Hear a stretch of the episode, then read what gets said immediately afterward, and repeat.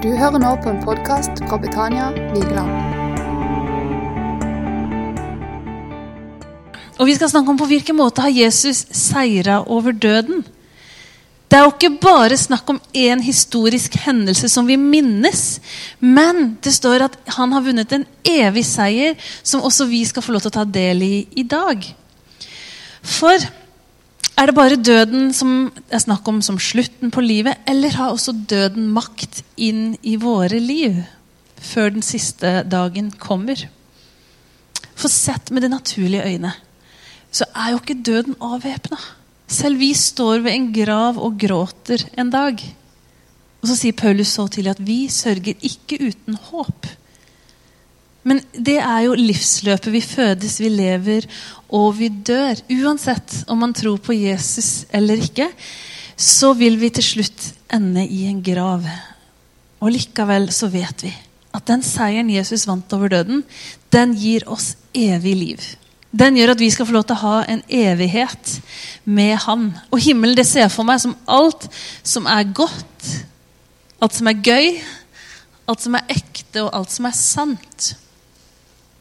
Og likevel så lurer jeg på om døden, den derre evige teppefallet At døden også kan snike seg inn i våre liv og være mer enn den siste fienden. Hva er død? Og hva er liv i vår virkelighet nå? Og på hvilken måte har Jesus overvunnet døden i mitt liv nå? Og det har jeg lyst til at vi skal be om at Gud skal bevise oss mer av hva som er sant. Helligånd, takk for at du er her, og du vil åpenbare ordet for oss. Og du vil vise oss hvem Sønnen er. Og jeg ber om at du skal komme med liv. Gud, kom og gjør det du vil ved hjelp av din ånd. Kom og skap noe nytt iblant oss. For de av oss som kjenner at vi skikkelig lengter etter litt liv på innsida, så ber jeg om at du skal komme og fylle på. Mm, bare kom og gjør det du kan best. Kom og vær Gud. Amen. Vi kom alle inn i livet på en uh, gitt dato av en mor på et konkret sted. Men det er jo ikke eneste ganga jeg har kjent at jeg har fått liv. Husker lite av det nå. Men jeg har noen andre minner at åh, det er også som jeg kjenner at jeg får liksom nytt livspåfyll. Har du noen gang vært trøtt og sulten og kald, og kanskje ble du tatt med ut på en altfor lang skitur, og så Endelig er dere tilbake på hytta, og så har du fått dusja og så har du fått spist. Og så har du fått på deg varmt tøy, og så sitter du foran en varm peis, og så er det akkurat som du bare kjenner at åh, åh, jeg har fått påfyll av liv. Kanskje noen har kjent at de har vært skikkelig syke. Og noen av oss er veldig mye mer sjukere enn andre når vi er syke. Og det er jo ingenting som er så deilig som å bli frisk. Og noen av oss har vært skikkelig syke. Og så har vi kjempa kanskje mot døden, og nesten kjent at livet er kommet tilbake som en gave. Jeg tror at vi kan kjenne liv i forskjellige liksom, påfyll, i forskjellige utgaver. Men vi kan kjenne at 'å, nå lever jeg'. Enten du må hoppe i fallskjerm for å kjenne det, eller se på unga dine og kjenne at jeg lever. Og jeg tror at Gud har skapt oss til liv. Og det står at Jesus har kommet for at vi skal ha liv i overflod. Jeg tror vi skal ha mange opplevelser av å elske livet og leve med hele oss. Det står i Guds ord at vi skal bevare vårt hjerte framfor alt vi bevarer, fordi livet går ut fra det. Og vi er ment til å kjenne på mye liv. Og likevel så er døden tilstedeværende i vårt liv. Den er ikke bare den siste fiende, men jeg tror at hele tilværelsen er lada av liv og av død. Av vondt, av godt, av løgn og av sannhet. Og Når jeg tenker på hva som kan være liksom død i mitt og i ditt liv, så har jeg et bilde, og det er noe jeg oppdaga da jeg var ute og reiste. Nemlig et portugisisk krigsskip. kaller de Det Det er en manet. En brennmanet med de der lange, dødelige trådene. Og hvis du er på en nydelig krystallklart vann og nydelig hvit sandstrand, og du får høre at det er en sånn manet i vannet, så er de fleste raske med å komme opp. Fordi noen av oss har erfart hvor vondt det er å brenne seg. Og disse, da, Jeg vet ikke om det er et portugisisk krigsskip, men det er det jeg har hatt i hodet mitt. det her Bildet av den maneten som har så lange tråder. og vet du, Den kan til og med liksom etterlate seg noen tråder i noen meters omkrets. Så selv om du ikke ser den, så har du brent deg på trådene fra den. Og jeg tenker at oss i vår tilværelse så kan vi ha vært borti og så har vi brent oss på noen av de her dødstrådene. Og I Salme 116 så lurer jeg på om det er det David har opplevd. Jeg elsker Herren, sier han. For han hørte meg da jeg trygla og ba. Og fordi han vendte øret til meg, vil jeg kalle på han så lenge jeg lever. Og hør, dødens lenker snørte seg om meg. Dødsrikets redsler grep meg. Jeg fant bare nød og sorg. Da kalte jeg på Herren. Å, Herre, redd mitt liv. Jeg tror angst, frykt, depresjon, sykdom, selvfordømmelse Mange av oss har kjent at det har liksom snørt seg om oss. Og livet er blitt to hakk for krevende. Når frykten kveler frimodigheten, eller angsten hindrer deg i å folde deg ut. Og for noen så hindrer de å gå ut døra. Noen kan kjenne at depresjon og mørke gjør at fremtida ser håpløs ut. Og så går en inn i en sånn overlevelsesmodus én dag av gangen. En dag av gangen. Og jeg tenker at det er disse dødens lenker som snører seg om oss. Og hør, jeg tror at livet ditt er så verdifullt. Jeg tror du og jeg har en uendelig verdi, og jeg tror Gud har store og gode planer for livet ditt. Og jeg tror at sammen så kan du og Gud være dynamitt. Og nettopp derfor så er nok det vakre under angrep. Derfor tror jeg at livet forsøkes og kveles.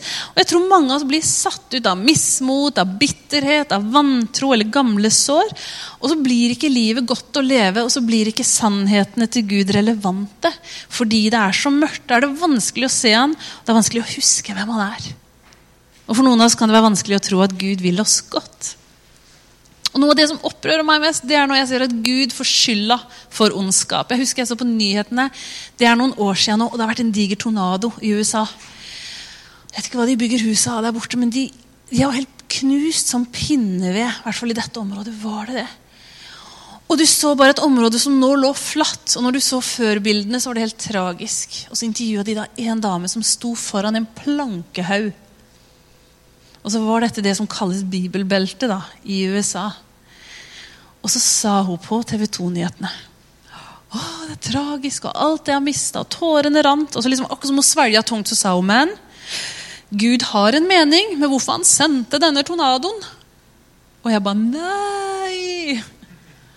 Gud sender ikke tornadoer.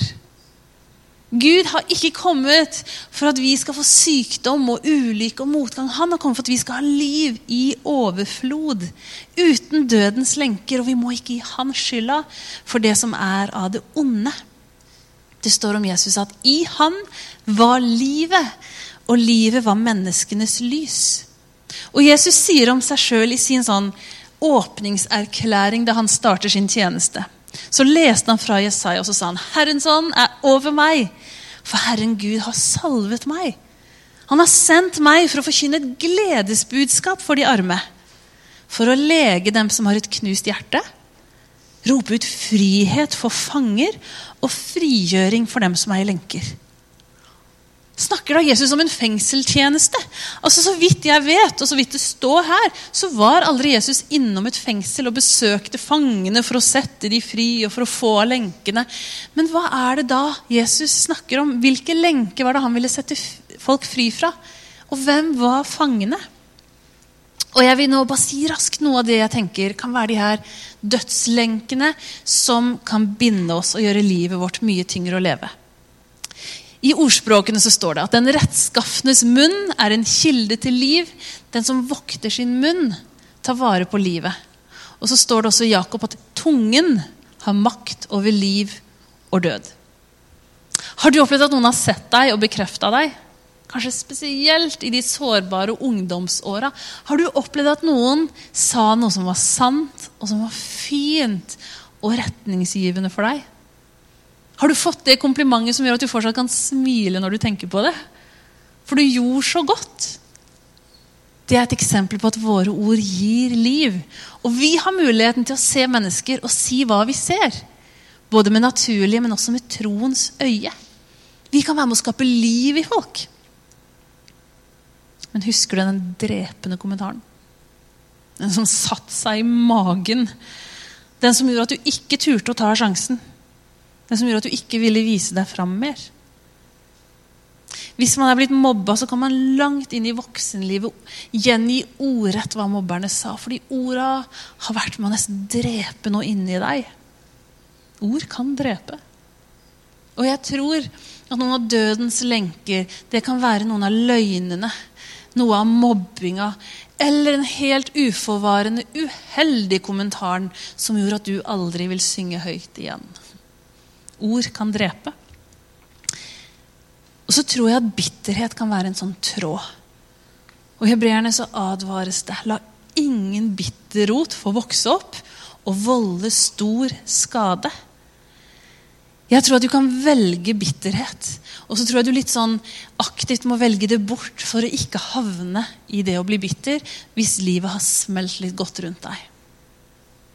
Jeg jobba lenge i hjemmesykepleien. Det var utrolig fint. Jeg fikk lov til å reise rundt til mange nydelige eldre mennesker. Og så er det rart, for at hos noen så var det alltid sjokolade. Passa alltid bra at jeg kom.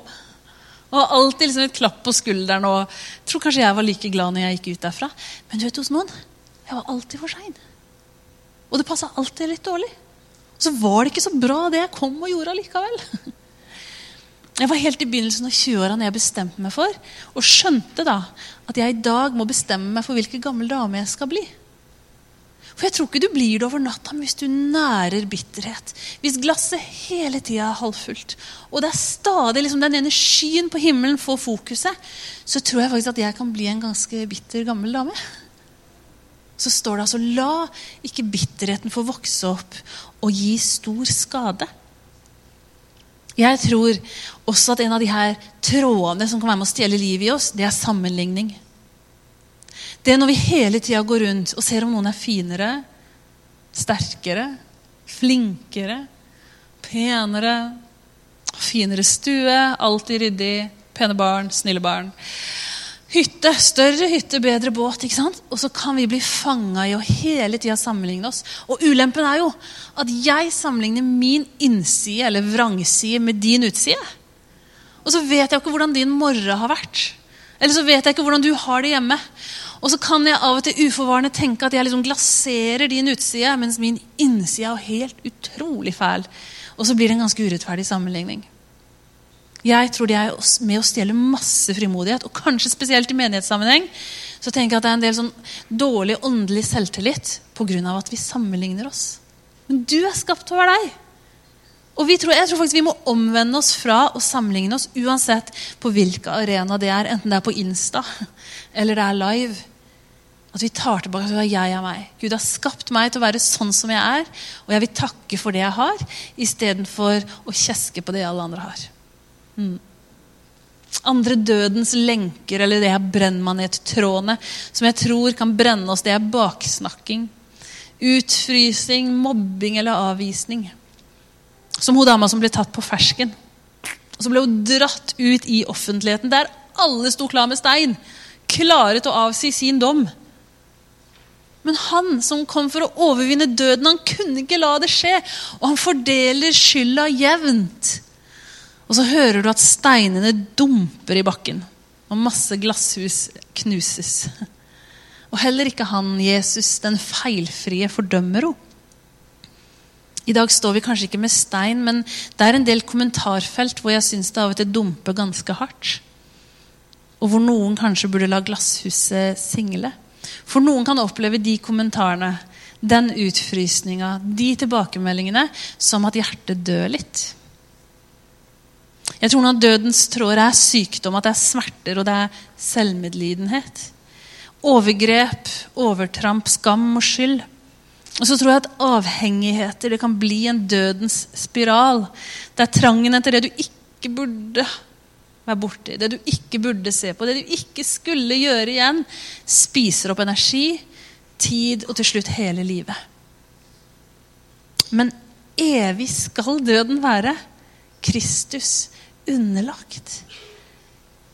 Han har lyst til å løse oss fra de dødens lenkene. Fordi Jesus er den eneste som har kjempa mot døden og vunnet. Og så tror jeg at han ønsker å sette deg og meg fri fra dødens lenker i livet våre. Og jeg tror at Det å bli satt fri det har to aspekter ved seg. Det ene er det sånn som David forteller om i Salme 116. At du løfta meg opp fra fordervelsens grav. Og jeg elsker vitnesbyrda om mennesker som kan si at Jesus kom, og så tok han meg ut av mørket og inn i sitt underfulle lys, og på ett blunk så var livet helt forvandla. Det er utrolig enten den dødens lenke heter rus, eller en annen avhengighet, eller indre kamper, angst, depresjon. Det er fantastisk, for Gud kan sette fri på et blunk. Det står at, at Gud kan gjøre det på et blunk, og så står det også, som i Galaterne 5.1 Til frihet har Kristus frigjort oss. Stå derfor fast. Og la dere ikke tvinge inn under slaveåket igjen. Enten du opplever frigjøringa helt momentant, fantastisk, så er det allikevel en kamp på å bli stående i frihet. Men for andre av oss så må vi ta inn over oss hva, Jesus, du har overvunnet dødens lenker i livet mitt. Og selv om jeg ikke kjenner de lille tåa engang, selv om jeg ikke ser det i alle relasjonene mine, selv om ikke kroppen min vitner om det, så vil jeg bli stående i friheten. Du vet, I noen situasjoner så har Gud gitt oss et medansvar, at vi kan være med og velge friheten. Det står i 5. Mosebok 30, vers 19. I dag har jeg lagt fram for deg liv og død. Velsignelse og forbannelse. Velg da livet. Hør, Jesus er kommet for at du skal ha liv, og liv i overflod. Og likevel så kan jeg og du i noen situasjoner være med å velge livet. Jeg kan være med å velge liv over død. Jeg kan være med å velge sannheten over løgnen. Og så er det jo bare det at Kanskje har du brent deg på manet, og så veit du hvilke merker det kan skape. ikke sant? De brenntrådene som setter merker på huden. Og for noen av oss har de dødens lenkene sittet så lenge og satt seg så hardt at de merkene vil kanskje alltid være der. De kan kalles arr. Og så kan vi bli misleda til å leve ut ifra arra vår istedenfor helheten. Og så kan vi liksom glemme at det her har Jesus satt meg fri fra. Og hvis de der orda stadig kommer tilbake til meg, det som ble sagt over meg, det som var løgn, det som var vondt og det som var skikkelig dumt, så må jeg velge at hva, det skal ikke være et mantra over livet mitt. Det skal ikke være ord jeg gjentar når jeg ikke får sove. Jeg må velge bort. Selv om arra fortsatt er der, så vil jeg velge, i, velge friheten. Nå er sesongen over for det. Jeg er utrolig glad i å se på ski på TV. Og sesongen for å gå på ski er over. Jeg er forresten veldig mye flinkere til å både se på og heie på andre gå på ski enn å gå sjøl. Men jeg har fått med meg dette Birken, f.eks. Det er sånn for nesten da, de fleste av oss. Du kan i teorien melde deg på Birken, og så er det en annen ting om du fullfører skiløpet. Men når du ser for et skiløp som det, så ser du jo mye både topptrente og sånn middels godt trente gå et ganske så langt løp, uansett føre og vær. Men hvis jeg skulle gått Birken, så har jeg jo også skjønt såpass at det er ikke så lurt å ta med telt og sovepose. Ikke vits å ta med primus, kakao og masse niste. For målet er fort fram. ikke sant? Jeg tror det er viktig at vi skjønner at en del av det som er i livet vårt, selv om det er et langløp, så drar av og til noen av oss med oss litt for mye av det Jesus har sagt at vi skal få lov til å legge av oss. For det tjener deg ikke til det gode i det her løpet. Det står 'la oss legge bort alt det som tynger', og synden som så lett henger seg fast på oss. Kanskje må du liksom se bak og tenke vet du hva, jeg drar på altfor mye. Jeg har med meg fra, for mye fra fortida som Jesus har satt meg fri fra. Og faktisk så gjelder det å liksom gønne litt på nå. Og det her hindrer meg. Det her gjør meg bakoverlent. Og Jesus har sagt at jeg skal framover. Og han har kanskje lyst til å sette opp farten i livet mitt. Kanskje betror han det er noe nytt denne våren. Kanskje han vil skape noe nytt i ditt liv, i din familie, i din tjeneste. Og Det kan hende at han samtidig napper litt i deg og sier men du, den der sekken skulle vi ha pakka om? Trenger du alt det her? Har du tenkt å dra med deg de dårlige erfaringene? Har du tenkt å fortsette å si de løgnene som ble sagt over deg? Kanskje vil han befri deg fra noe som du tenker det her har vært tungt i sekken min lenge. Og så vil faktisk Gud befri deg denne våren. Jeg tror at du også i dag og i formiddag kan bli satt fri, uansett hva som har kvelt livet i deg. Enten det er andres ord og handlinger, eller du driver og pisker deg sjøl for tidligere feil og nederlag. Kanskje er dødens lenker avhengighet. Du kommer deg ikke løs fra de der uvanene som du veit at messer til tankene, kroppen, følelsene og relasjonene dine. Og så aner du ikke hvordan du skal slippe løs. Men hør, evig skal døden være. Kristus underlagt. Og Noen av de her sannhetene tror jeg vi kan bruke timevis, årevis på å forstå. virkelig forstå. Og Samtidig så tror jeg at det er hjertet vårt og vårt hjertets øye som må få lys. Paulus ber for oss i Efeserne måtte han gi deres hjertes øye lys, så dere forstår hvilke håp han har kalt dere til, og hvor rik og herlig arven er for de hellige. Og hvor veldig hans kraft er hos oss som tror. Det er med denne veldige makt og styrke han reiste Kristus opp fra de døde og satte ham ved sin høyre hånd i himmelen. Det Paulus sier, er at oppstandelseskraften er i ditt liv. Oppstandelseskraften skal være til stede i mitt liv. Så kan du jo lure på hvor da? Når så jeg den sist? Ja, den har jeg savna.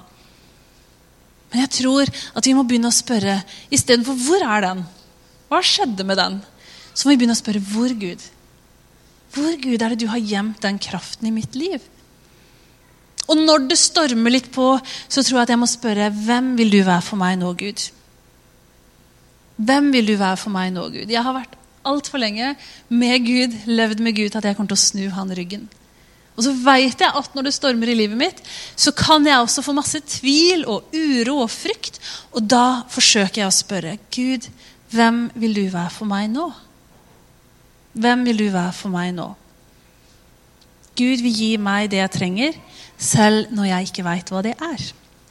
Og så er det viktig at Gud har ikke bare sin primetime på ettermøter. Det er ikke sånn at Gud er avhengig av litt bakgrunnsmusikk og levende lys for å gjøre noe i livet ditt. Men Gud han er en hverdagsgud. Jeg tror du kan oppleve å bli satt fri på en mandagsmorgen eller i bilen på vei hjem på onsdag. Jeg tror Guds kraft er tilgjengelig for oss, og at den er innpakka i det høyst normale og hverdagslige.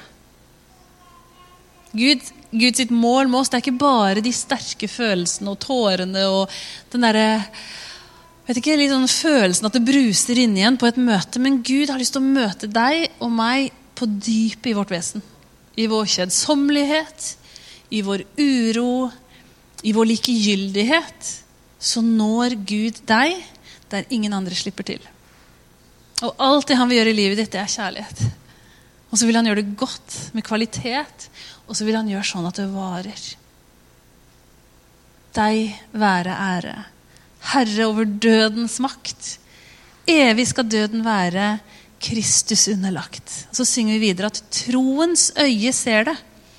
Han gir liv og fred. Og jeg tenker Det er det samme Paulus snakker om her. At vårt hjertets øye, eller vår troens øye, skal få se kraften. Og For de fleste av oss er de kampene med døden på de arenaene som vi kanskje definerer som ganske uåndelige. Ganske menneskelige, enten på selvbildet vårt eller seksualiteten, relasjonene våre, tankelivet, de vonde minnene. Og så blir vi litt lurt vi blir lurt til å tro at ja, men akkurat det der må jeg takle sjøl. Og det der må jeg håndtere bedre. Det burde jeg ha fiksa by now. Men vet du, Gud har sagt at han vil være med deg alle dager inn i alt det som er livet ditt. Alt det som er deg, vil Gud ha omsorg for.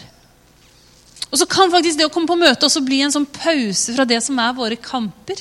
Vi legger bort det som er oss selv, og så kommer vi til møte, og så tar vi på det kristeligøse smilet. og nei, det går kjempegreit. Og så kommer vi hjem, og så har vi egentlig ikke sluppet Gud inn i det som tynger oss, og som gjør at vi kanskje ligger søvnløse i noen sesonger av livet. Da tror jeg Gud har lyst til å si til deg, hvis du kjenner igjen det, at han har lyst til at du skal slippe han inn og se at han allerede er på din kamparena. Der du har behov for håp, der du har kjent på nederlag, eller der du venter på seier.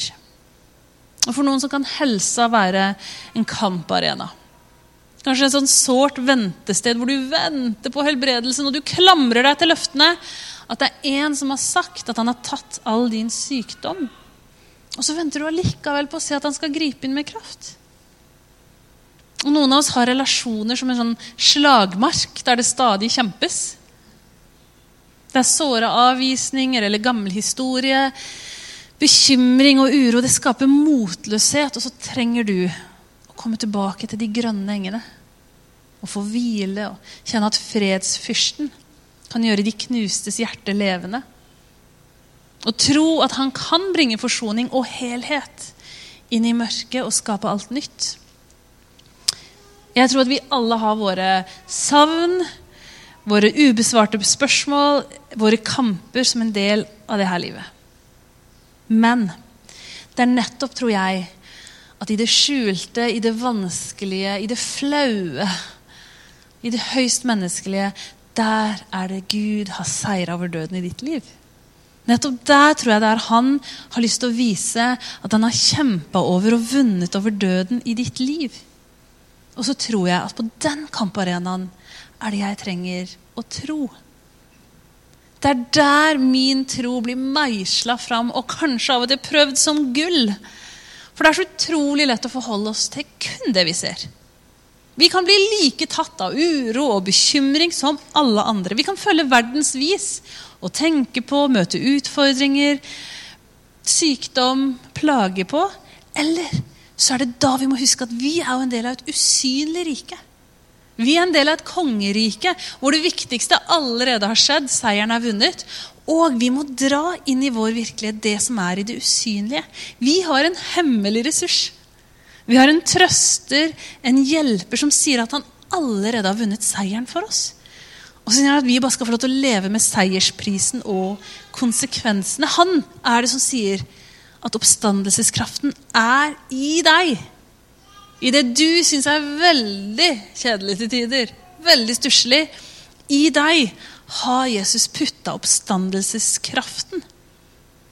Og så tror jeg at det er akkurat i mine akilleshæler eller mine kamparenaer, mine urolige områder, det er der jeg trenger å erfare at døden er overvunnet. Og det er der jeg kanskje må velge å vente på Guds kraft. Velge håpefullt å vente på at han fortsatt skal gripe inn, fortsatt skal gjøre noe der jeg syns det er helt håpløst. Og hør, Jeg, jeg syns det er vanskelig å bekjenne at Gud er god i møte med meningsløs ondskap. Jeg syns det er vanskelig å takke når det som ikke skulle skje, skjedde. Det er veldig hardt å tro på Guds betingelsesløse kjærlighet når ikke en fiber i kroppen min kjenner det sånn. Og jeg tror det er en sånn muskel her med troen som vi må øve opp. Sånn at vi fortere og fortere løfter blikket når vi i det naturlige holder på å bli ganske nedbøyd og motløse. Jeg tror vi må vinne hverandre på hvem Gud er, og hva han sier at er sant om oss. Jeg tror at vi har en verden av løfter. Av ubrukte muligheter. Av potensialet gjennom det han har sagt i sitt ord. Og så sier han at det skal være til mat for oss. Det skal være maten vi spiser. Og så skal det bli sannheter, fordi alle Guds løfter har fått sitt ja og amen i Jesus. Jeg tror jeg må begynne å tro i det som det er vanskeligst å tro på. Og så tror jeg det er en nøkkel at jeg må begynne å bekjenne det. Jeg må begynne å si det som er sant, ikke bare det jeg føler er sant. Så jeg er satt fri, og så blir jeg stadig satt fri og så er utfordringa at jeg blir stående i den friheten som Jesus har vunnet til meg. Og Jeg vil også be det som en bønn for oss til avslutning. At Gud kommer og gir våre hjertes øye lys. Og at du kanskje nettopp denne påska skal få oppleve noe av den oppstandelseskraften og det livet og det håpet som Jesus har fremskaffa for oss. Vi ber. Herre, jeg ber om at du må gi vårt hjertes øye lys. Jeg ber om at du skal komme med en sånn flombelysning i vårt indre, sånn at vi forstår hva det er du har gjort for oss, Jesus. Så vi ikke bare har påska som en minnehøytid, men at vi innvier oss og tar imot den kraften som du sier at bor i oss. Og så be om at vi skal få lov til å oppleve at på de arenaene kanskje vi har gitt opp Gud. Kanskje vi har lukka den døra og sagt at ja, men sånn er det bare. Jeg ber om at du skal oppleve denne påska at du kommer inn, Herre, og så kommer du med liv, og så kommer du med utfrielse. Ber deg helt konkret, Gud, at du skal komme med helbredelse. At du kan komme inn i den mest alvorlige sykdom og snu det til liv, Herre. Jeg ber at du skal komme inn i motløshet og depresjon og mørke, Herre. Og så ber jeg at du skal bryte dødens lenker og komme med liv, Jesus. Jeg ber deg om forsoning i relasjoner som er gitt opp, Herre. Jeg ber deg om gjenopprettelse der hvor ingen tror at det kunne skje. Hellige la oss få oppleve virkelig en påske med oppstandelseskraften midt iblant oss. Og la det være det som tiltrekker mennesker til deg, Jesus. At det er kraft og det er liv i ditt navn også i dag. Vi har lyst til å være bærere av din kraft, og vi ønsker å være formidlere av den til den verden du har kalt oss til. Vi ber deg om det, Hellige Ånd, i Jesu navn.